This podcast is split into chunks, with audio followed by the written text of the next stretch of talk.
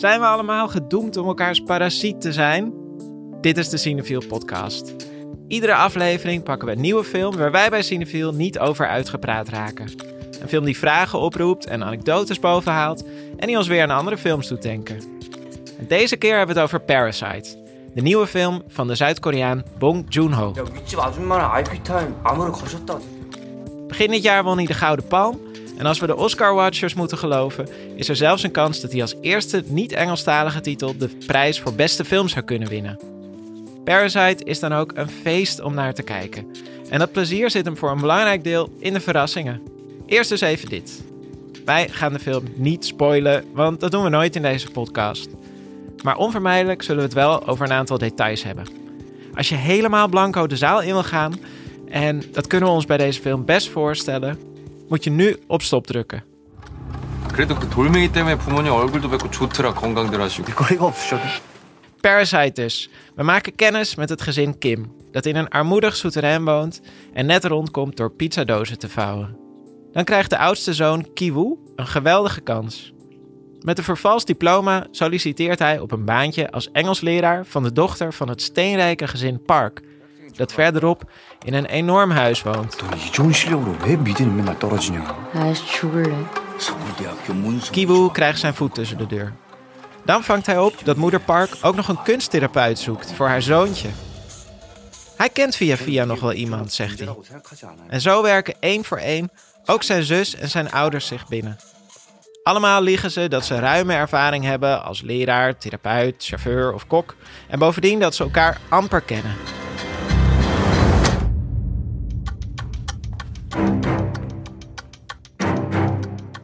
Gaan het hebben over Parasite. Over de lol van list en bedrog. Over de angst voor een indringer in je huis. En over een nieuwe golf van films met kritiek op het kapitalisme. Mijn naam is Erik Schumacher en ik ben redacteur van Cinefiel. Naast mij zitten mijn collega's Lauren Murphy en Jesse Heinis. Hallo. Hallo. Hallo, leuk Hallo. dat jullie er weer zijn. Eh, Jesse, ben jij wel eens opgelicht? Nee, ik geloof niet dat ik ooit echt ben Nee? opgelegd. Te gewiekst? Nou, ik heb wel van die babbeltrucs aan de deur gehad van energiecontracten en zo. En die heb ik toen ook een keer afgesloten. Maar is dat oplichting? Ik weet het niet. Maar daarna heb ik wel besloten om elk mogelijke babbeltruc gesprekachtig ding meteen af te kappen. Hoe doe je dat dan? Zeggen, nee, sorry, ik heb geen tijd. Doei. Ik vind dat... Ja. Ja, Ik wel- ben daar ook best wel goed in. Volgens mij heb ik zelfs in jullie aanwezigheid wel eens... Want ik had een tijdje dat ik heel vaak gebeld werd... door een soort nummer met plus nog week wat, nog wat. eh, en ik word me inmiddels gewoon ja. best wel boos. heb ik jou aan de telefoon gehoord. Ja. Ja, je moet vriendelijk Nee. blijven, maar streng. Gewoon, Oh ja, ik blijf niet meer vriendelijk, geloof ik. ik denk Waarom moet je ook vriendelijk blijven? Ja, eigenlijk? het en hangt af van wie er belt. Maar ik ben, ik ben een keer echt bijna in zo'n, in zo'n val getrapt van iemand die, zo, die echt zo'n, die, die mij opbelde en zei van, nou, eh, dit is eh, een eh, nieuwe wet voor eh, ondernemers. Ik ben ZZP'er. Eh nou, we gaan je energieën overzetten en we moeten even een aantal gegevens controleren. En ik zei van, eh, maar ik weet het, ik had ook niet zo'n goede scherpe dag. Dus ik dacht, ik was alleen maar, ik was al in de war die voor dag. het weet heb je je hele creditcardgegevens Ja, dus ik dacht van, oh, maar moet dit dan? En, en toen, begon, toen werd dus die persoon aan de telefoon een beetje geïrriteerd. Zo van, ja, eh, wij doen dit eh, voor jou, weet je wel. Wij zijn niet... Oh, oh ja, en, oké. en dat was zo'n goede babbel natuurlijk, dat ik toen... Ik begon, ik begon toen al mijn gegevens te geven. Toen ging ik toch tijdens het bellen ging ik dat even snel googlen. toen zag ik allemaal waarschuwingen. Nee, ik heb dit gedaan. Nu zit ik voor 8000 euro per maand vast aan een Russisch energiebedrijf of zo. Toen zag ik, oh, dit klopt helemaal niet. Maar toen bleef ik toch beleefd. Zo goed was die babbelaar dat hij inspeelde op mijn oh, ja. schuldgevoel of zo. Ja, of, nee, of- ik kap het inmiddels echt heel snel af. Maar misschien, ik, ik heb er zi- over zitten nadenken of, over of ik wel, wel eens ben opgelicht. Maar ik heb het, het idee dat dat niet zo is. Maar het zou ook heel goed kunnen dat dat wel zo is, maar dat ik het niet zo heb opgevat. Of zo, dat je stiekem de hele tijd een klein beetje opgelicht wordt. Of dat je, dat ik, want ik ben namelijk wel heel goed gelovig. Wel iemand die gewoon meestal als mensen een verhaal vertellen zegt, echt? ja. Oh, ja. Ik had dat wel, dus Ja. ik kan bijna niet dat ik niet wel een keer ben opgelicht. Misschien verdienen wij te weinig geld om echt kaart opgelicht te worden. Ja, dat zou ook wel kunnen. Dat het net iets te weinig te halen valt. Ja. Ja, dat is niet waar. Er valt genoeg te halen natuurlijk Ja. alsnog. Ik denk bij oplichten juist ook wel een soort oldschool... eh nou ja, wat in Parasite eigenlijk ook gebeurt. Dat zij, zij lichten de boel ook op door bijvoorbeeld contracten te vervalsen... of diploma's of zo. En jij begint hier nu al een beetje bij te glimmen. Van, dat Ja. vond ik zo grappig aan deze film. Want ik was super boos toen, toen met die, met die babbeltruc. Toen ik daar bijna was ingetrapt. Toen dacht ik echt... gast aan de lijn van hoe slaap jij s'nachts? ja, precies. Maar in, in Parasite Ja, is gewoon heel aanstekelijk. en Leuk, slapen hè? ze prima Die, s'nachts. die, ja. eh, die op, oplichterij. Ja, dat is best wel... eh, je, bent zeker in het begin ben je, ga je helemaal daarin mee, ja. En hoop je heel erg dat het ze lukt. Het lijkt ook wel een beetje op Catch Me If You Can of zo. Zo'n soort van, eh, ook waarin Leonardo DiCaprio ook eigenlijk iedereen oplicht. En je heel lang denkt, wauw, wat vet dat het hem lukt, weet je wel. Of een goede bankroof. Dat gevoel. Ja, Ja, Ocean's ja. Eleven lijkt het ook heel erg op. Zo dat Ja. plan wat dan wordt uitgesproken door die familie van... oké, dit gaan we doen en dan doen we dat. En als we dat hebben gedaan, dan kunnen we het zo doen. En je ziet het dan ook tegelijkertijd een beetje gebeuren. En ja, het is, ze doen het bij een rijke familie. En de, de familie die het uitvoert, die die plannetjes bedenkt... Die, is, ja, die heeft niet zoveel geld. Die wonen in een soort van souterrain onder straatniveau. Dus je gunt het ze ook wel... Ja, dat ze daar, dat ze gewoon wat meer geld verdienen. Of dat ze die rijke mensen ja, langzaam een beetje een soort ja, belazeren. En het is Ja. ook heel leuk gefilmd Ja, ook is- gewoon. Er ja. zit dan zoveel tempo. Dan gaan ze zo'n list uitvoeren en dan zit er zoveel tempo in. En er zit dan een goede muziek onder. En je Ja. vergeet helemaal... Ja, Hebben ze helemaal een riedeltje bedacht van hoe ze, hoe ze die leugen gaan vertellen. Weet je, van tutututututu. het is gewoon Ja. heel erg meeslepend. ja. En het doet je ook wel denken van, nou ja, is, hoe erg is het bijvoorbeeld om een diploma te vervalsen? Waar zit die sliding scale of zo van? Is, is het in hoeverre, ze hebben waarschijnlijk ook niet de mogelijkheden gehad om zo'n diploma te krijgen, die armere Nee. familie, terwijl ze wel heel veel kunnen. ja. Ehm, dus, dus je gunt, wat dat betreft, zie je het ook wel een beetje door de vingers. Zo van, nou ja, ja, dat, zegt, dat zegt die, die jongen ook, die Kiwoe, zegt, zegt dat ook tegen zijn vader. Van, nou, ik zie mezelf niet aan het begin dan als hij dat diploma het vervalsen is. Van ja, hij ziet dat niet als oplichterij, omdat hij weet dat hij dat wel in zijn mars heeft. En hij Mhm. zegt van, nou, als ik ga studeren, dan, dan haal ik dat nog wel of zo. Ja, precies. En, En- uiteindelijk, nou, het is misschien ook met solliciteren. Van zijn ze nou, ben je echt op zoek naar degene die het het beste kan of naar degene die de beste papieren heeft? En gun je het dan niet eigenlijk ook degene die het gewoon hartstikke goed kan en misschien de papieren niet heeft? En de beste connecties, dat zit hier ook heel erg veel in. Dat ze heel erg kijken Ja. van, ik ken nog iemand en die heeft gewerkt voor die en die. En, en dan pas raken die, die wat rijkere mensen geïnteresseerd in die andere familieleden. Van ja, je moet, je moet mensen kennen, je moet een netwerk Status. hebben. De enige reden waarom die jongen ook überhaupt binnenkomt, is dat hij wordt aangeraden door een goede vriend van hem. Dus ja, inderdaad, kwaliteiten die zijn minder belangrijk dan de mensen die je kent. En het verhaal van, ja, mijn, ik ken nog iemand die heeft gestudeerd in Amerika en die, die doet allemaal therapie voor kinderen van hele rijke mensen daar in LA. Dus ze is nu terug in, in Zuid-Korea, dus misschien kan ik haar wel even bellen. Er wordt ook Ja. een soort gesuggereerd dat ze heel druk is en hele belangrijke klanten heeft.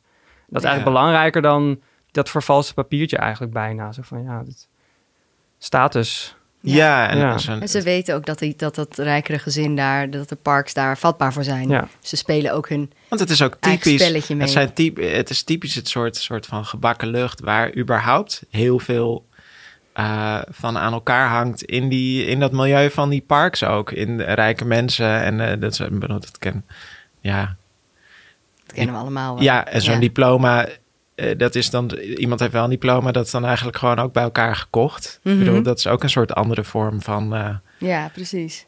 de boel bedotten. Ook het idee van status door bepaalde objecten die eigenlijk, weet je, ze hebben dan bijvoorbeeld dat dat rijk gezien houdt dan heel erg van een bepaald soort noedels die dan heel, eh, die eigenlijk gewoon juist best wel goedkope noedels zijn of zo, maar omdat het dan nostalgisch is, hey, krijgt het dan ook weer een bepaalde waarde. Er zitten een paar van dat soort dingen. dingen Het gaat heel in. erg over, over klassenverschillen. Mhm. En de, een soort van de, de kloof tussen arm en rijk. Mhm. Wie is eigenlijk de bad guy in deze film? Het begint wel met één, en dat, of tenminste, ja, de, die rijke vader, de, de, Mhm. de vader van het rijke gezin, die komt heel onsympathiek over.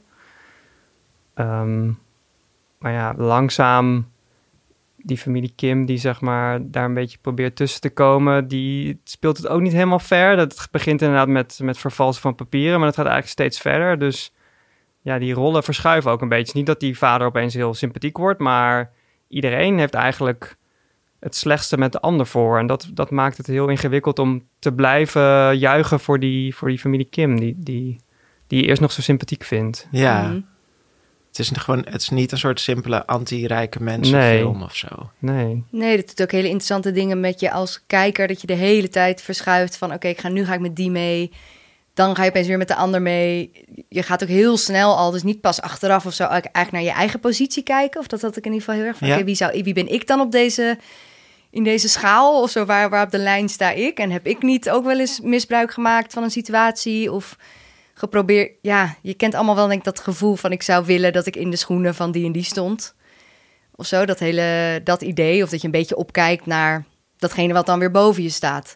En meteen neerkijkt op datgene wat onder je staat. Of zo. Dus het, dat, dat, eh, daardoor ook denk ik wel voor iedereen herkenbaar. Terwijl het gaat wel over Korea. En het gaat wel... Maar het is ook een heel universeel verhaal daardoor. Op de poster staat er iedereen ook met zo'n zwart balkje door zijn oog heen. Alsof ze allemaal Ja, crimineel precies. zijn. Dus de film weet zelf ook heel goed dat Ja. iedereen in dit verhaal ja, een soort crimineel is of verdachte. Of, Ja, eh, maar, maar uiteindelijk is juist wat daarboven zit de echte crimineel of zo. Dat is dan het gevoel wat ik er met name door kreeg. Het Dus dat systeem tegelijkertijd kun- je? Ja, tegelijkertijd Mhm. kunnen ze er ook helemaal niks aan Ja. doen allemaal. Ja, Dat ze daar onderdeel van zijn. En ehm, ze zitten in een systeem waarbij het belangrijkste eigenlijk niet is wat ze kunnen, wat ze in hun mars hebben, maar in welk nest ze geboren worden. ja, en die frustratie die zie je ook wel steeds meer gebeuren of zo. Toch ook bij de Kims van er, er is... Op een gegeven moment denk ik van ja, je kan maar tot zover gaan of zo. En dan het enige wat je nog kan bedenken is een soort totale revolutie. Om gewoon de hele boel dan maar omgooien. Dat als een soort oplossing. Weet je, dat, dat idee, dat krijg je heel erg van... oh ja, maar dus, ja, op een gegeven moment raak je ook zelf verstrikt of zo. In, een, in het web van het systeem of het kapitalisme... of eh, waar je een klein pionnetje in bent. Ja, Zoiets. nou ja, hun, op, hun oplossing is, is gewoon om daar eigenlijk aan, aan mee te doen, toch? Ik Ja. het, is niet, Maar dan worden ze ook direct een slachtoffer ervan. Ja, nou ja, maar er is niet, dat vond ik wel fijn dat er niet een soort anticapitalistisch persona, een soort van, het voelde voor mij als een soort, ja, best wel anticapitalistische film, maar er zat niet een soort anticapitalistisch personage in dat dan een speech eh, ging houden of zo, Nee, precies. waardoor het dan belerend wordt of zo. Het is helemaal niet zo didactisch. Nee, van dit is wat je, dit Nee. is wat je moet. Maar, maar uiteindelijk de conclusie die ik er in ieder geval wel uittrok... is wel wat didactischer. Van, oh ja, maar de enige oplossing die wij met z'n allen hebben... of zo, is ja. wel om dan het heel radicaal aan te pakken. Helemaal opnieuw beginnen. Helemaal opnieuw beginnen, precies. Ja, ik weet ook niet... ik bedoel, Jij bent in Korea geweest, toch, Ja, Jesse? Dus Eh, hoe, voelde je dat daar? Dat het daar ook heel erg aanwezig is of zo? Die strijd die daarin zit? nou, als toerist merk je dat niet per se, maar je, ja, je bent dan voornamelijk ook in Seoul als je daar op vakantie gaat. De, meer dan, tenminste, bijna de helft van de mensen woont daar ook. Ja, dat is gewoon een hele kapitalistische stad waarin consumentisme heel belangrijk is. Eh, en ik heb Het is ook heel snel economisch omhoog geschoten, hè, Korea het in de jaren 50 zaten zij nog compleet aan de grond na de Tweede Wereldoorlog en de Korea-oorlog. Eh, ja, en toen kwam een soort van economisch wonder. Ehm, ze zijn een paar decennia opgeklommen naar de twaalfde plek eh, economie van de wereld. Maar ja, met meer geld komt ook vaak meer, eh, ja, hoe zeg je dat, oneerlijkheid of een slechte verdeling van tussen Mhm. arm en rijk. Dus die kloof is echt enorm daar. Dus het is een belangrijk thema. Ehm, er zijn ook, zijn ook veel corruptieschandalen. De, de vorige president is afgetreden vanwege een corruptieschandaal, omdat zij ja, eh, mensen die zij kende voortrok. Nou, het zit ook een beetje in deze film van ja, je moet mensen kennen. Het gaat erom om, om wie er in je netwerk zit. Ehm, dus ja, en, en de, de huidige president Moon, of Moon heeft ook daar eh, campagne voor gevoerd van ik ga de kloof proberen te verkleinen. Ja, dat lukt, lukt nog voor geen meter. Nee. Ehm, dus het is wel een heel belangrijk thema daar. En dat zie je ook eh, in andere films. Eh, Burning hadden we vorig jaar. Ja, zo vet Ook is die. Koreaans ook een Koreaanse film. Super mooi, heel anders. Heel erg serieus en mysterieus. En gaat over een jongen die... eh, een boerenjongen die wat armer is. En hij ontmoet een meisje en hij heeft er wel een hele leuke klik mee. Maar zij gaat op vakantie en komt dan terug met een, ja, een steenrijke ja, erfgenaam waarschijnlijk. Het is heel een beetje onduidelijk waar die jongen zijn geld vandaan heeft. Maar dat hij rijk is, dat is duidelijk. En ja, je krijgt niet echt de hoogte van die rijke jongen. Het is een beetje, een beetje creepy eigenlijk. En ja, die, die boerenjongen probeert een beetje te achter te komen van wat, wat beweegt deze rijke man. En je ziet gewoon dat er zo'n groot verschil is tussen wat hij ervaart en wat die rijke man ervaart. En wat die rijke man ook kan doen met arme mensen. Hij, hij misbruikt een beetje die vriendschap ook met dat meisje. Ja, het is gewoon een hele, hele spannende, hele mysterieuze film ook over dat thema. Dus, dus ja, het is echt wel een ding daar op dit moment. Ehm, Ja, daar zal, daar zal ehm Bong Joon-ho ook zelf het een en ander van hebben meegekregen. Zo in de jaren dat hij opgroeide, dat er ook politiek volgens mij heeft hij zelf ook aan best wel veel protesten en zo meegedaan. Ja, Ja, hij zat Dus daar dat- ik heb gelezen dat hij daar een beetje half in zat Ja. in die protestbeweging, maar dat mensen dan boos op hem waren dat hij dan weer naar de film ging. dat hij dan weer in de bioscoop Ja, zat ja, in plaats van te demonstreren. Ja, Ja. maar vervolgens maakt hij films waardoor wij er wel allemaal over na gaan denken. Dus dat is dan wel weer Ja, mooi. Ja. beter wil je je protest hebben eigenlijk? Ja, ja zeker. Ja. Dit is gewoon ook een, eh, ook een vorm van activisme Ja. kan dat zijn. Ja, ik las ook dat hij zei... eh, want eh, eh, ja, het komt natuurlijk voort uit die specifieke Koreaanse context. En dat het hem eigenlijk... Dat hij ook ja, heel erg in die context deze film eh, maakte. En dat hij dan... Maar dat hij dan eigenlijk tot zijn verbazing hoorde van... Of ja, verbazing. Het viel hem nogal op dat iedereen dat herkende. En dat zijn conclusie eigenlijk was... We wonen allemaal in hetzelfde land. Het land van het kapitalisme. Ja. ja, het voelde voor mij ook... Natuurlijk heb ik, ik kan me voorstellen dat, er een, dat je nog veel meer eruit haalt... als je heel veel weet van een specifieke situatie in, in Zuid-Korea. Maar ik denk dat ik, ik, ik... Ik had heel weinig moeite met die vertaalslag maken voor dat kernthema. Zo. Ik las wel trouwens ook in een heel interessant interview met de vertaler... met wie hij altijd werkt. Die heet eh, Darcy Paquet, een Amerikaan die in Zuid-Korea woont en heel veel van film weet en een Koreaanse vrouw heeft. En zij werken blijkbaar altijd samen. Dat er dus ook heel veel aandacht is besteed aan dat de vertaling van bepaalde woorden die dan in Parasite zitten wel klopt. Dus bijvoorbeeld de, de diploma is dan van de, van de eh, Seoul National University en dat hebben ze dan vertaald als Oxford, omdat het een soort gelijke status heeft. Dat zegt dan natuurlijk, dat moet wel kloppen. Zo, je hebt meteen Ah, bij ja. Oxford denk je, oh ja, Ja, denken wij, oh dat is een bepaald soort status als je dat diploma hebt. ja, ja. Dus dat er heel veel van dat soort dingen in zitten, waardoor ook die vertaalslag makkelijker te maken is. Dus dat, het, ja, dat de context zeg maar, heel erg in alles werd meegenomen. Vond ik wel interessant om te lezen. ik vond ook wel, zeg maar, als je iets meer weet van Korea, dan, dan ge- geeft het weer iets meer diepte, omdat het wat vaker voorkomt, ook in die populaire cultuur. Ik moest ook, ja, dat kent iedereen, Gangnam Style, dat nummer uit, Oh ja. wat een enorme hit was. Dat ging ook heel erg over ja, die rijke buurt, Gangnam, waar, waar dan een soort van heel leventje wordt, wordt geleid, waar je, nou ja, hele dure koffies kan kopen en iedereen met merkkleding rondloopt, werd een beetje belachelijk gemaakt. En dat was ook al een soort van teken van, oh ja, in, in, ergens in Korea is één wijk waar iedereen stinkend rijk is. Ik weet niet of die film, dat die villa waar deze film zich afspeelt, daar staat. Maar dat is wel echt zo'n ding wat ook wel vaker terugkomt in Koreaanse films of in Koreaanse popcultuur. Van er is ergens één wijk waar iedereen stinkend rijk is. En dat is heel moeilijk om daartussen te komen. Ik las ergens, ik weet niet of het klopt, maar dat 7% van het bruto nationaal product daar zich bevindt op die paar vierkante meter. Wow.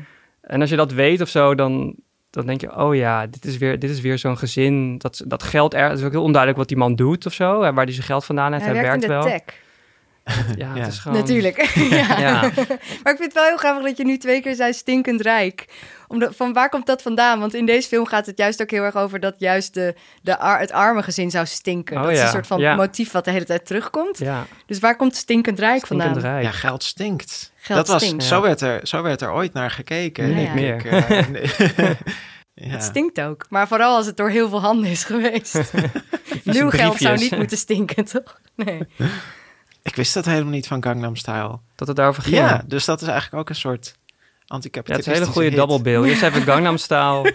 Ja, je moet die clip... Ja, ik weet, die clip heb je wel gezien, toch? Maar ja, dan, dan doet hij toch na alsof hij aan het paardrijden is of zo. Ja, het is wel grappig een beetje dat hij dus heel graag die Gangnam Style wil hebben. Dus je ziet hem ook op het strand liggen in het begin. En dan zoomt de camera uit, maar dan ligt hij ergens gewoon op een kinderspeelplek... waar er toevallig ook zand ligt.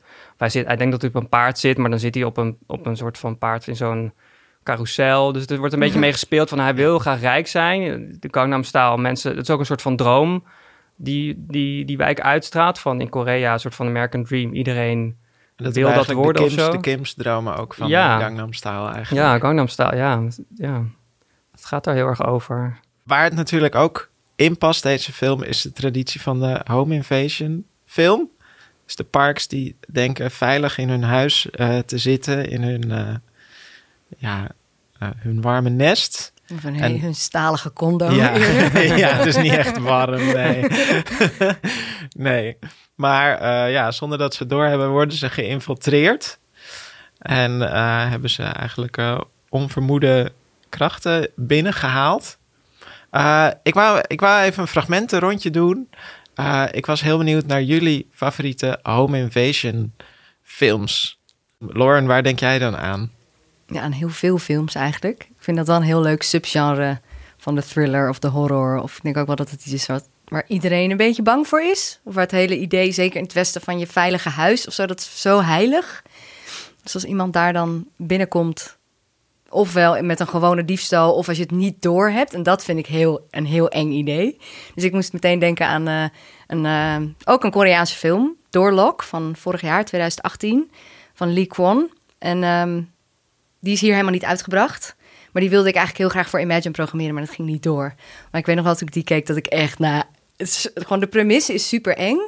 Ehm, en het komt, het is eigenlijk een remake van een, eh, van een Spaanse film uit 2011. Die heet eh, Mientras, Mientras Duermes, wat vertaald wordt als Als je slaapt of Terwijl je slaapt.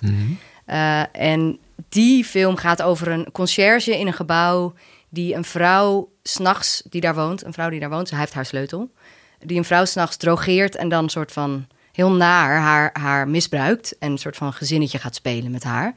Ehm, ik heb die niet gezien. Volgens mij is die ook heel erg heftig. Eh, en deze Koreaanse verfilming of versie daarvan pakt eigenlijk dat centrale thema van dus iemand die binnenkomt terwijl je slaapt en jou drogeert, maar vertelt het dan vanuit het perspectief van degene die dat overkomt, dus niet vanuit de dader. En neemt het daarna heel ergens anders naartoe. Maar wat er dus gebeurt in die film is, ja, een jonge vrouw wordt elke ochtend wakker met hoofdpijn. Weet, heeft het gevoel dat er iets niet klopt in haar huis, maar ze weet niet precies wat. En nou ja, uiteindelijk pas na 20 minuten of zo zie je dus als kijker krijg je mee dat er iemand van onder haar bed kruipt en dus chloroform op een doekje tegen haar gezicht aanhoudt en vervolgens niet haar seksueel misbruikt, wat echt wel een stuk prettiger is, Ehm, maar wel eh, bijvoorbeeld haar tandenborstel gebruikt. Oh, waar, Dat vond ik echt een heel naar detail. Ik dacht, gadverdamme, dat zou ik echt zo erg als een invasion of privacy voelen. Toch, als je daarmee, als je Ja, daar achter ken je die komt. soort van urban legend over... eh, Ja, dat precies. ja? toch? Over die mensen- hond. Nee? Oh, ja. Oh, wat is... Vertel even over die Eerste hond. hond. Oh ja, oké, gaan we even die over de hond vertellen. Moet je wel die stem bij opzetten. Oké, dus eh, een vrouw woont alleen in een landhuis. En ze heeft een hond, eh, we noemen hem Fluffy. Fluffy ligt elke avond onder het bed. Dat is een favoriete slaapplek. En altijd vlak voor het slapen gaan... eh, heeft ze een soort ritueel met die hond. Dat ze zet een muziekje op. En vlak voordat ze gaat slapen zegt ze... Slaap lekker, Fluffy. En doet hij... En dan houdt ze haar hand tegen de rand van het bed. En dan likt hij aan haar hand. Dat is wat. Dus die hond, die, dan weet ze van, nou, het gaat goed met die hond. Nou, dat gebeurt dan een aantal keer. Eh, en dan op een gegeven moment denkt ze van, nou, die, die hand die, of die tong, die voelt toch anders? En dan kijkt ze onder het bed en dan ligt er dus een of andere dude. Elke avond haar hand te likken. Dat is zo, ken je die niet? Ja, nu je het zegt. Ja, nee. Ja, ja, ja, nou ja, zo, ja. Dat is dat, natuurlijk dat centrale idee van dus Ja, iemand ik, in ik je sloeg aan huis. op die, op die tandenborstel. Is daar ook een Eh, urban legend Ja, van? namelijk ehm, een gezin eh, gaat op vakantie. En eh, er wordt, eh, ze komen op een gegeven moment terug in het vakantiehuis. Ze komen terug van het strand. En zien, oh shit, er is ingebroken. Nou, gelukkig het valt mee. Ja, eigenlijk is er niks weg. Er zijn maar een paar dingen weg. Het is alleen een beetje overhoop gehaald. En dan, nou, verder fijne vakantie vieren. En dan komen ze thuis en dan ontwikkelen ze... Ja, dit is nog in de tijd van foto's ontwikkelen. En ontwikkelen ze de foto's. En dan zien ze foto's met, met alle, al hun tandenborstels in, de, in een aars gestoken. Oh nee, wat verschrikkelijk. Hoe kom je in dit soort verhalen? Ja, nou ja, blijkbaar ben ik niet de enige die bedenkt dat, dat gewoon dat idee dat er iets met je tandenborstel gebeurt, dat is echt super invasive, Maar hij- letterlijk. in deze film wordt er gewoon mee getandenpoetst. Er wordt ook iets Hij ranzigs. poetst gewoon zijn tanden en dat vond ik misschien ook wel echt heel eng hieraan. Ik, nou ja, we gaan zo het fragmentje luisteren. Het is allemaal in het Koreaans, dus ik heb uiteindelijk maar gewoon een fragment gekozen waarin je alleen maar hoort dat er aan haar... Nou, daar kom ik zo op. In ieder geval, ehm, hij doet juist hele alledaagse dingen.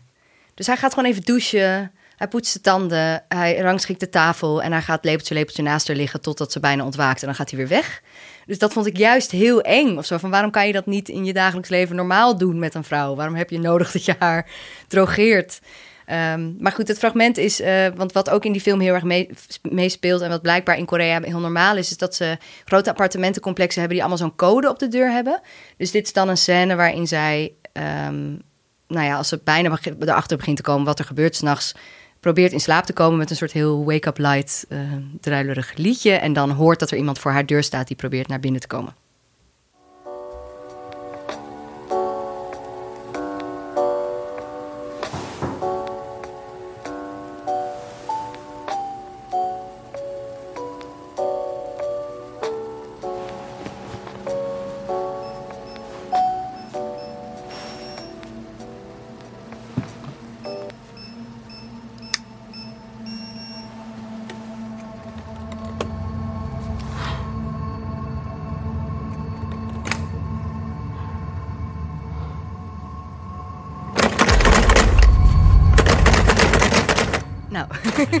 dat is ASMR. Ehm, ja, nee, dus er, begint ook iemand aan de deurklink te rammelen. En dat vind ik sowieso een heel eng idee. Dat je binnen Ja. zit en dat iemand naar binnen wil. En dat je bang bent van wanneer, wanneer gaat het hem lukken. Ook, ook het fenomeen dat je gewoon in bed ligt en dat je een geluid hoort en dat je denkt, Wat ga ik nou opstaan? Wat ga ik Wat doen? Ja. Heb je dat nooit eh, gedacht van wat zou je dan doen? Ik heb wel, ik had vroeger wa- was dat echt een angst van me dat er ingebroken zou worden terwijl ik thuis was. ja, En dan dacht ik altijd van ga ik dan voor de wijnfles? Of ga ik voor, weet je, ik heb geen geweer in huis of zo. Van wat ga je, de keuken is te ver weg. Heb je iets onder je kussen liggen of iets Nee. onder je bed? Nee, niet meer. Dus die angst heb ik ook nooit iets praktisch mee gedaan. Mijn laatst was een ex-collega of zo, een heel lief meisje, die vertelde dat ze een honkbalknuppel of een hockeystick. Wauw. Ik weet niet meer wie het was, maar die, ik zo, wow, huh, wat, hoezo dan? En die was heel erg, zei van ja, je moet jezelf toch kunnen beschermen. Ja. En, eh, ja. Ja, dat Zit vinden op zich daar, wat dat is in, wat maar- de Amerikanen ook altijd ja, die, ja, met een gun onder een kussen. Ja.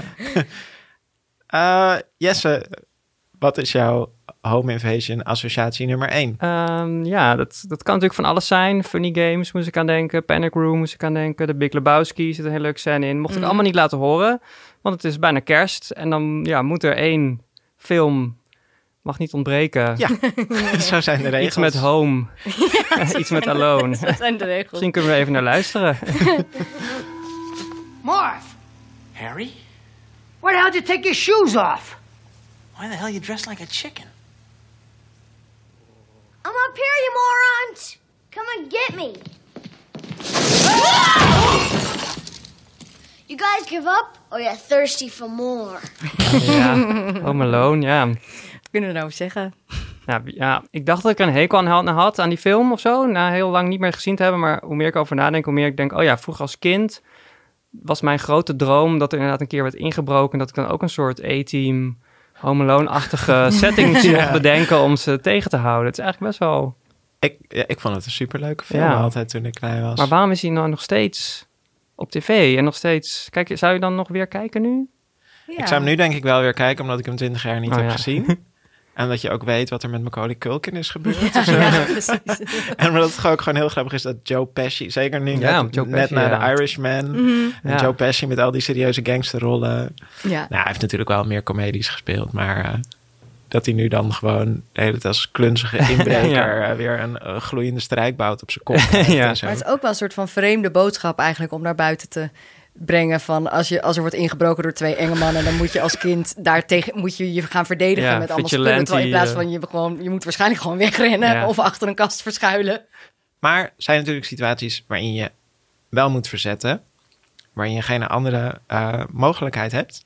Ehm, fragment, de film waar ik aan moest denken is Marlena the Murderer. Nou ja, Ehm, een eh, Indonesische western, een saté-western is hij genoemd. na de kaaswestern Na en de de, kaas- spaghetti ja. western. Ja. Ehm, is twee jaar geleden uitgekomen van een eh, jonge Indonesische filmmaakster, eh Muli Surya. De film speelt zich af in, in Sumba, een eh, eh, afgelegen eiland. En eh, er is een jonge vrouw, haar man is overleden. Ehm, en eh, ja, volgens lokale traditie heeft ze die man dan een soort van ingebalsemd. ja, dat doen ze daar. Ja, Blijven, de lichamen blijven heel lang in de thuis. huiskamer. Deel van, het, van Ja. het gezin en de woning. Tot er geld is gespaard om een grote begrafenis te geven. En dan komt er iemand eh, op bezoek en dan volgt het volgende gesprek. Saya tidak sendiri.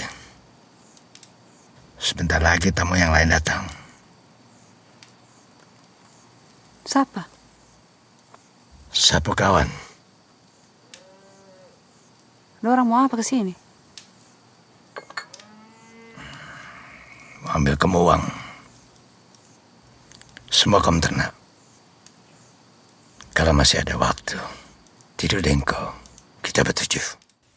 Ja, het klinkt dus eh, als een, ja, het, eh, eh, misschien een beetje onheilspellend, maar toch vrij zakelijk gesprek. Heel beleefd eigenlijk. Ja, maar wat hij haar dus komt vertellen eh, is... ehm, straks komen zes vrienden van mij en wij gaan jouw eh, geld pakken en jouw vee. En als we tijd hebben, gaan we allemaal eh, jou verkrachten. Ehm, dus dat is echt een, nou ja, je, je wordt helemaal koud als je die scène ziet. Heel indrukwekkend. Ehm, en wat zij dan doet, die Marlina, is... eh, ja, die mannen komen binnen en dan zegt ze... Kopje soep. Ja. ja, dat is echt... En dan, ja, dat is echt ja, fantastisch. Dan, eh, nou, die mannen die drinken de soep en die vallen allemaal om. En dan eh, gaat zij met het eh, afgehakte hoofd van die man die als eerste is aangekomen, gaat zij op stap. Dan wordt het een soort, ja, een soort gekke roadmovie dat zij met dat afgehakte hoofd over dat eiland reist. eh, op weg naar de grootste, of de, ja, naar de stad, naar het politiebureau. eh, waar ze gaat vertellen wat er is gebeurd. Omdat ze ook niet het gevoel heeft van, eh, dit moet ik verbergen. Ja. Eh, echt ja, een hele echt toffe een te gekke film. Dat hoofd ja. begint ook te praten, toch? Of te zingen, of was het ook alweer? zingen, ja. Zingen? Ja, het is Ja. een heel excentrieke film ook en, en verrassend. En je weet, je weet eigenlijk nooit wat er gebeurt. Nee. Ik dacht echt van wat een, eh, wat een interessante nieuwe maker is dit. Ja, dus ja ik zij vind is het, echt een held, een goede held ook, die Marlina. En het zegt ook heel veel over... Uiteindelijk komt ze dan bij het politiebureau... en dan wordt er ook een beetje uitgelachen of zo. Dus ook een soort van anticlimax... die heel erg juist wijst op hoe dat in het echte leven... vaak Ja. genoeg natuurlijk ook gaat. ja. Ehm, ik vond die, ja, ik vond die ook heel erg mooi. Ik las dat zij een eh, nieuwe film, dat er een nieuwe film van haar aankomt. Ja? Ja, daar ben ik zeer benieuwd naar, want die speelt zich af eh, tijdens de Indonesische onafhankelijkheidsoorlog. Wauw. Dus eigenlijk eh, in de tijd dat eh, Nederland daar het koloniale gezag probeerde te herstellen in, na de Tweede Wereldoorlog. Mhm. Dus daar gaat zij iets mee doen. Dus daar ben ik super benieuwd naar. In Nederland krijgen we ook eindelijk een film over die periode van Jim Tayutu, De Oost. Mhm. Dus Die komt in maart uit volgend Maart, ja. jaar. Ja. ja, Ja. Spannend allemaal. ja, super spannend om dat dan vanuit die twee Ja. Het- perspectieven ja, ik, en ik vind het ook wel interessant sowieso het hele idee van de home invasion, ook in deze film en in heel veel andere films ook, gaat natuurlijk ook over het, idee van de ander of zo, of iets waar we eigenlijk bang voor zijn, wat binnenkomt bij jou. Dus of dat nou, dat kan ook, een, dat kan ook de buitenlander zijn, of de, weet je, zit heel vaak ook een soort xenofobie onder dat soort verhalen. En hier is, nou, in, in Parasite is natuurlijk ook het idee van dat je als een welgesteld gezin bang zou moeten zijn voor Ja, eh, een, een armer gezin wat, wat komt halen of zo van je. Ehm, dat, ja, dus, dus als thema, sowieso in 2016 of zo waren er een paar, of 2015, 2016 waren er een paar van dat soort films. Je had ook Green Room. Het ging dan over een groep muzikanten die zich in de Green Room van een locatie waar ze moeten optreden, moeten weren tegen allemaal neonazies die proberen naar binnen te komen. Dus heel veel van dat soort films gaan dan, nou, dat is helemaal- natuurlijk niet geheel toevallig dat het speelt als Trump aan de macht komt en het heel erg gaat over iets waar je een buitenlander die binnen probeert te komen, waar je bang voor moet zijn, dat Ja, dan juist op zijn op zijn gat wordt Ja. gezet, zeg maar. Dus het is wel interessant om op die manier naar te kijken. doet ook heel erg denken natuurlijk aan As. Het is heel grappig dat we... Van Jordan Peele, ja. van Jordan Peele, eh, dus voor de zomer uitgekomen hier in Mhm. Nederland. Heel grappig dat die films tegelijkertijd min of meer zijn gemaakt. Mhm. Allebei met zo'n gezin, met eh, vier mensen, wat eigenlijk ges- gespiegeld. tegenpolen, ja. Ja, en ook Ja. allebei vanuit het idee, als het jou goed gaat, dan leidt iemand anders daaronder of zo. Mhm. En eh, soms heb je dat niet eh, door of zo, maar dat zit in, in ons systeem of zo, waarin we leven. Dat het heel Mhm. ingewikkeld is om, ja, of dat er de hele tijd soort van ook verborgen manieren zijn waarop jouw, jouw welvaart ten koste gaat van, van iemand anders. Mhm. Kapitalisme of En het is ook geinig dat het, grote dat het genrefilms zijn allebei. Dat het zeg maar niet een soort van eh, pamflet is, sociaal realistisch, arme mensen versus rijke mensen. Maar dat het ook een soort van entertainment is vanuit een genre perspectief.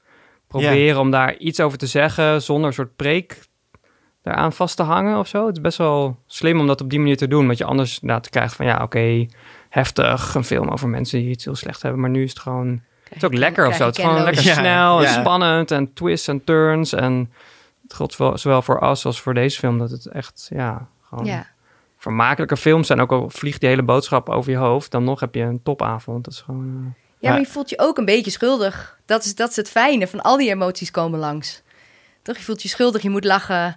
Ja, maar je kan ook gewoon, als je, het zijn ook allebei hele snelle films. Als je zeg maar niet, als het iets zo vermakelijk is dat je geen tijd hebt om na te denken of zo, dan kan je ook gewoon dat helemaal vergeten en gewoon denken van ja, ik zit gewoon helemaal te genieten. Ik heb niet eens nagedacht over wat er allemaal nog in dit verhaal zit, welke twist er aan zou kunnen komen. Het is gewoon, Ja, ja, en dan inderdaad achteraf denk je, oh ja, maar hoe zit dat eigenlijk met mijn rol in deze situatie? Ja, Ja. ja. maar je hebt bijvoorbeeld eh Boon Young-ho's niet zijn vorige film. Want was Snowpiercer... Okja was Okja was hiervoor. zijn vorige en daarvoor Ja. was Snowpiercer. Ja. Snowpiercer natuurlijk, doet, speelt ook met dat gegeven van een van een, een, ma- een maatschappij, maar dan in de soort dystopische toekomst, waar dan rijk en arm Ja, Parasite speelt in het dystopische heden. Ja, precies. Maar in Snowpiercer is het veel explicieter natuurlijk. Je zegt Ja. van de, de, de arme mensen in de, de back of the train, zeg maar, en de rijkere mensen vooraan. Ja, en het gaat allemaal om de, de motor, die is heilig eigenlijk. En die, Ja. moet, en die staat eigenlijk, ja, dat staat dan een beetje symbool voor de markt. En het, ja, zolang het de markt goed gaat, dat is belangrijker dan of het de, of het de mensen goed gaan of zo. Ja, nou, dat zit in High Rise natuurlijk ook heel erg. Ja, Van Ben Wheatley. Dat is ook zo'n... eh, ja, is een film waarin Dan dat, eigenlijk... Ja, ze zeiden ja. toch over Snowpiercer ook was een van de taglines van High Rise on a Train. Gewoon, je Ja. keer, hem om en je, ja, je hebt een horizontale versie. Wat ik heel vet vond aan Snowpiercer is dat het... eh, ja, je zit, dan, ja, je zit dan in die trein. Ja, ik bedoel, het is een nogal eh, simpele metafoor, dat beeld. Maar wat ik gewoon wel, wel cool vond, is dat ze ehm, dan eigenlijk... Het gaat de hele, tijd, de hele film erover van... Ja, er is geen leven mogelijk buiten die trein. En, ehm, Dus ze zijn elkaar aangewezen. Ja, en, en dit is de trein waar we in zitten en hier kunnen we niet uit. En eh, ja, het idee van dat er iets anders... Ja, uiteindelijk suggereert die film van... nou, er is ook iets anders buiten die trein. Dus er is een... Ik heb ook vaak het idee bij, bij het kapitalisme... het is bijna een soort ook gek woord om uit te spreken of zo. Het is bijna een soort van eh, ding van... Ja, dat is gewoon, dat is gewoon een soort van natuurlijke orde of zo. Dat, dat gevoel is er op een gegeven moment een beetje ingekomen, denk ik. Dat, dat mensen niet meer het gevoel hebben van... oh ja, je kan het ook op een andere manier organiseren, een samenleving. Ja, maar ik denk wel, ik, ik heb juist het gevoel dat ik het kapitalisme minder goed kan uitspreken, omdat het wel ook steeds meer een monster is, gema Ja. is gemaakt of is geworden. Ja, Waardoor je, het voelt helemaal niet zo, het voelt steeds minder natuurlijk eigenlijk. Maar dat is natuurlijk het gekke, dat in Snowpiercer of zo is, denk je van, ah, dit is heel gek.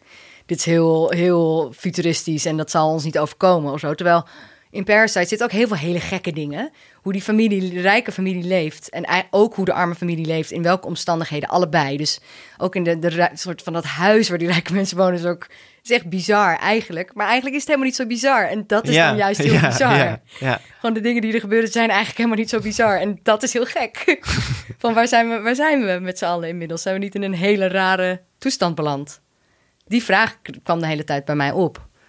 In die film. Ja, je ziet ook wel dat, ze, dat die films niet echt een oplossing hebben, behalve een soort revolutie. Dus er is niet een soort van, oh, we sturen het even bij. Of we, er, er Nee. komt een soort moment waarop het klapt. Want Ja. dat- zeg maar, dat is ook een beetje de tragische conclusie van al die films. Van, ja, er is niet echt een antwoord op deze situatie. Behalve En- dat het radicaal anders zou moeten. ja, Ja, maar, Maar dat, ik- dat ja. heeft Bong zelf ook gezegd. toch In een interview zei hij van... Dit, mijn grootste angst is niet wat er nu gebeurt... maar waar het naartoe, dat het alleen maar erger gaat worden. Dus hij heeft ook kinderen. Zijn zoon is eh, in Mhm. de twintig of zo. Dus dat, dat idee van een toekomst waarin hij ook ziet... die trein gaat alleen maar die kant op... dat hij dat heel beangstigend vindt. Dus ook wel vanuit zijn eigen angst... ge- op zijn eigen angst gestoeld Ja. of zo, die films die hij maakt. Want ze gaan allemaal een beetje daarover. Ook hij gaat daar ook over. Ja, ja de- en er zit altijd iets naars in. En het gaat, het gaat altijd een beetje de verkeerde kant op. Maar het is ook heel grappig. En het is ook heel leuk. Ja. En het is ook heel grappig. Dat vind ik zo. Ja. Dat geeft zo'n typische sfeer die je eigenlijk. Die zo, ja, die zo kenmerkend is voor hem. En die hem zo bijzonder maakt. Eh, gewoon, hij is een soort van. Ja, je zou hem. Hij is, hij is wel vergeleken met Spielberg of zo. Of met Hitchcock. De, hij heeft een beetje die.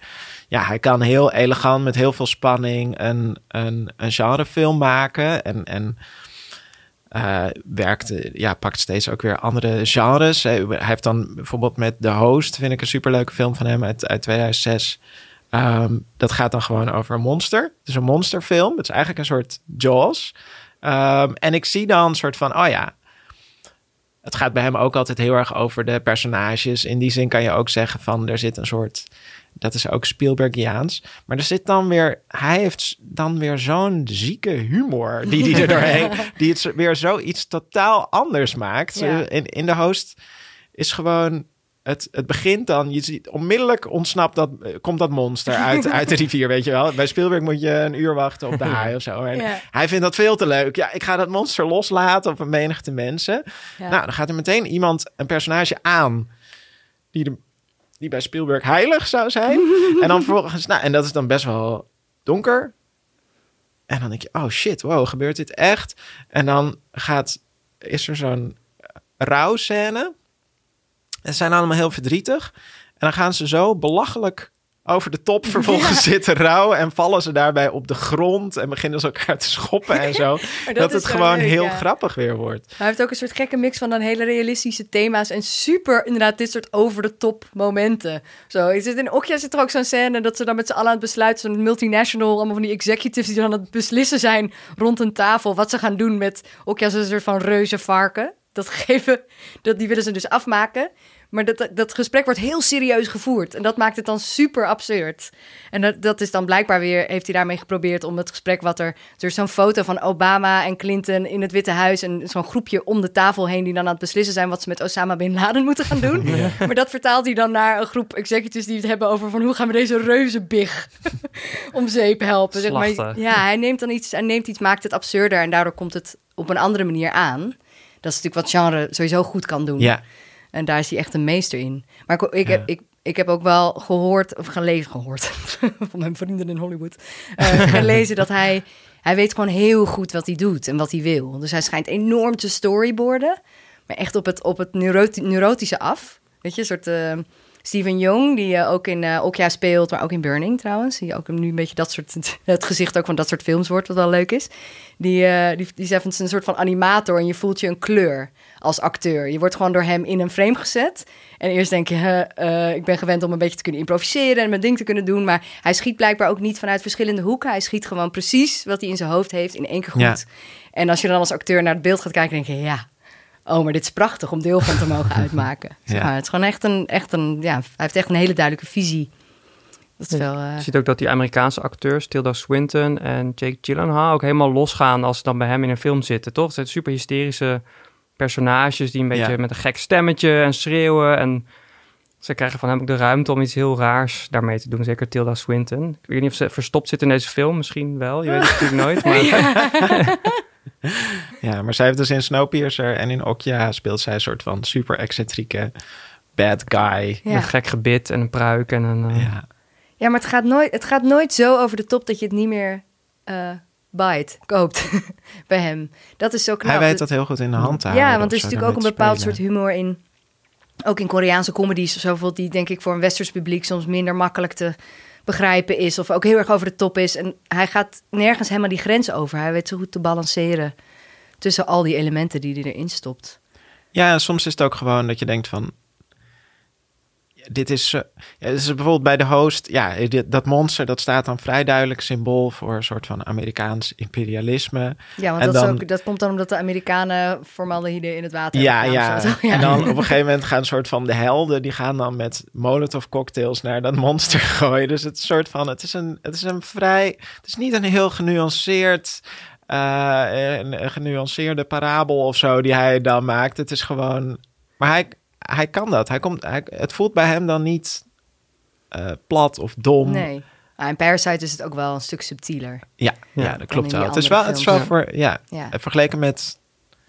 Zeker Okja en Snowpiercer is het wel eh, ja. weer een stap in de subtiele richting. Nou, en zeker ook in... Er zijn natuurlijk dit jaar... Nou, wel Asso genoemd, maar er zijn dit jaar wel meer van dat soort, soort anti-capitalist of class horror films uitgekomen. Ja, er is wel een soort golfje gaande, hè? Ja, dat is niet helemaal nieuw. Je had natuurlijk dat heb je vroeger sowieso science fiction en horror staan allebei gaan natuurlijk over waar mensen bang voor zijn in de maatschappij. En je hebt John Carpenter heeft ook al They Live gemaakt, waarin dan een man een zonnebril krijgt waarmee hij opeens de schellen van zijn ogen vallen letterlijk en ziet hoe wij allemaal worden gebrainwashed door een stel aliens om gewoon dingen te kopen, te kopen, kopen, kopen. Dus, eh, dus dat, dat, is, dat gegeven is niet nieuw, maar ik heb wel het idee nou, wij, dat er inderdaad de afgelopen tijd eh, veel van dat soort films zijn uitgekomen. Je had laatst ook Ready or Not, bijvoorbeeld, waarin dan een meisje door een rijke familie, zij wil trouwen met een jongen in een rijke familie, maar dan moet ze eerst een soort van ritueel doorstaan waarbij zij er op haar gejaagd wordt door die rijke, door die 1%, zeg maar. Dat is dan helemaal niet subtiel. ja. En je had ook The Hunt, die is uiteindelijk niet uitgekomen. Oh ja, er was een rel omheen, toch? Ja, er was een rel omheen dat er net allemaal shootings weer waren geweest in Amerika. En die film gaat over eh, rijke, de rijke elite die de 99% probeert af te maken in een soort van eh, Hunger Games Battle Royale-achtig scenario. Eh, dus er zijn duidelijk wel veel van dat soort Ja, je ziet ook gewoon in, in films die, die in Cinefil draaien... Shoplifters. shoplifters bijvoorbeeld, die, die gewoon gaan over dat, ja, die, die armoedekloof. En het soort Eh, Robin Hood-idee van stelen ja. van de rijken. Hustlers kan je ook aan denken. Precies, Eh, strippers die de Wall Street guys even eh, een kopje kleiner gaan maken. Ja. Sorry We Missed You van Ken Loach nu. dat is ook een mooie horrorfilm. ja, Ken Loach, dat is dan... Ja, Altijd. Altijd. Die, ma- die komt gewoon eens in de twee jaar met een film waar dan de hele zaal helemaal stil van is. Kaart En dan, janken. en dan blijft het weer twee jaar stil op dit Ja. front. Maar het is wel leuk om nu te zien van... Oké, er ko- komt nu aan, aan alle kanten... Ja, komen dus- er weer films hij- die met dit precies. thema aan de haal gaan. En die, en die door het gebruik van genre... eigenlijk daarmee een nieuw publiek bereiken. Wat Ken Mhm. Loach nooit zou bereiken. Nee. Maar wat ook in Ken Loach bijvoorbeeld in zijn in Sorry We, Mi- Sorry We Missed You, dus niet Sorry to Bother You, wat trouwens Ja. ook in dit rijtje past, Ja. maar op een andere manier. Het boze kapitalisme zit er ook in. ehm, is, wat in Sorry We Missed You ook heel erg zit, is het gaat zo over een pakjesbezorger die belachelijke uren draait en uit wordt gebuit door zijn baas, Maloney. En Maloney is, lijkt op papier de slechterik, want die buit, nou ja, hij mag nooit vakantie en hij is super grof. Hij noemt zichzelf de patron saints of nasty bastards. Ja, ja. En, eh, maar, maar op een gegeven moment krijg je ook al door van... oh, maar hij is ook niet de slechterik. Nee. Hij moet ook gewoon zijn bedrijf overeind zien te houden. Dus daar zit eigenlijk hetzelfde in wat in Parasite ook Ja, hij zit. verdedigt zich met het systeem eigenlijk. Mhm. Hij zegt ook van ja, ik moet ervoor zorgen dat wij de snelste pakjesbezorger van het land zijn, zodat jij eh, voor je familie kunt zorgen. Ja, precies. Maar ja, ondertussen wordt iedereen totaal uitgevrongen. Ja. En, en, en weet je wel, dan zegt, ja, op een gegeven moment zegt iemand wat is er gebeurt met de 18-urige werkdag. Weet je wel? Ja. Het is gewoon een heel goede vraag. Ja, In, in de gig economy, waar mensen gewoon weer 14 uur werken. ja.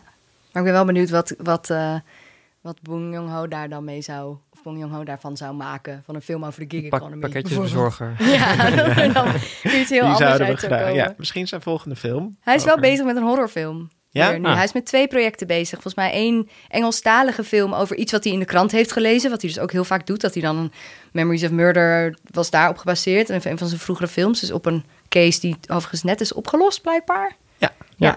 En, ehm, eh, en zijn andere film wordt dus een Koreaanse horrorfilm. Verder dan dat, meer dan dat heeft hij verder niet gezegd. Maar ik ben daar dan wel heel benieuwd Ja, naar. daar gaan we naar vooruit kijken. Ja. Ik wil het hebben over waar we nog meer zin in hebben de Mhm. komende tijd. Even een rondje van wat er de komende weken gaat draaien. Wat we al- misschien al gezien hebben of wat we nog niet gezien hebben, maar heel graag willen gaan zien.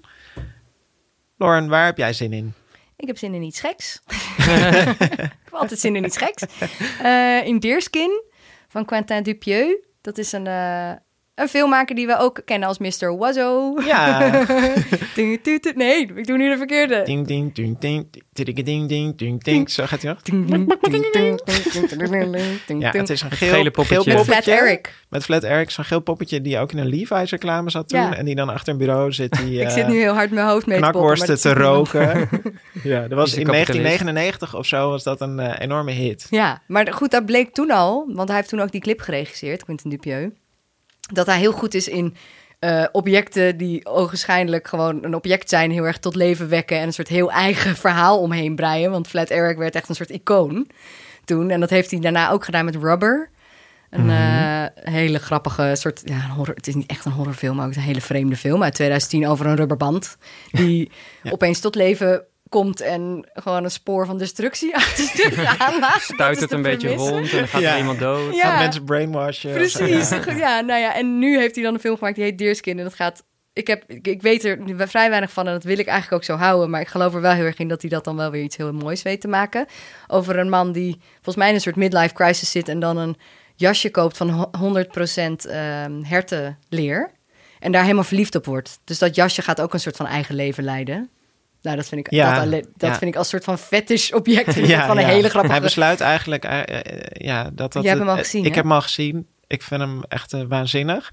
Ja, hij besluit in overleg met dat jasje dat er eigenlijk geen ander jasje meer op de wereld zou mogen bestaan. En dan gaat het, nou, dus dan is het dus logisch dat je dan alle andere jassen ter wereld moet gaan vernietigen. Maar dat pakt, ja, dat, dat pakt hij dan op zo'n trage, Ja. belachelijke manier aan.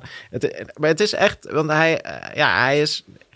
Je hebt weinig filmmakers die goede absurdistische comedies maken. Eigenlijk is dat een genre wat nooit echt bloeit, omdat het zo moeilijk is. Ja. En hij is al jarenlang wel de beste, maar zijn films zijn ook altijd een beetje... Oké, dit was leuk, dit was wat minder. Maar dit is echt zijn strakste... Dit zijn doorbraak? straks, strakste film. Ik zou, eh, ja. Dit is echt eh, de, de instap eh, Quentin Dupieux film die ik iedereen Te wil gek. aanraden. En er zit ook eh, Jean Dujardin speelt de hoofdrol, die we Ja, kennen uit The Artist. Dus ja. dat vind ik ook heel leuk. Ja, en ja. Adèle Haenel zit erin, die ook in uh, Portrait de la Jeune Fille en Feu zat, onze crush van dit jaar. Ja. Ehm, maar goed, en, en het me denken aan dat ik heb ook laatst een film, film gezien, die heet Yves, ook Frans. Dus vraag me af wat daarin zit. Eh, en dat gaat over een man die een relatie opbouwt met zijn koelkast. Dus misschien is dit ook wel een soort nieuwe trend. Dit is de, de, de logica van het kapitalisme Ja. leidt ons er nu toe dat wij alleen nog maar worden op onze objecten. rom- romantische films maken over objecten. Jesse, waar heb jij zin in? Eh, ik heb ook iets geks en ook iets Frans. Eh J'ai perdu mon corps van Jérémy Clapin. Eh, is een animatiefilm. En eh, wat ik ervan heb begrepen is dat het gaat over een hand. Een, een losse hand die wakker wordt in de stad. eh, en op zoek gaat naar de rest van zijn lichaam. Ehm, Ja. En het is gebaseerd op een boek dat heet Happy Hand. van de schrijver van Amélie, onder andere. Zo'n Ehm, leuke combinatie. ja, en ik had begrepen dat zeg maar, het handdeel van de hand in de stad... een soort van horror slash avonturenfilm... maar er zit ook een element in waarin die hand dus terugdenkt aan ja, zijn eigenaar... of zeg maar van wie hij was... Ja. en hoe die persoon zijn eerste grote liefde ontmoette. Dus het, is een soort van, het schijnt een hele mooie mix te zijn van ook weer verschillende genres. Ja, ik heb hem ook al gezien. Oh, ik heb hem ja, alweer Ja, gezien. ik heb alles al gezien. Nee, het, is een, eh, ja, het klinkt als een soort bizarre horrorfilm.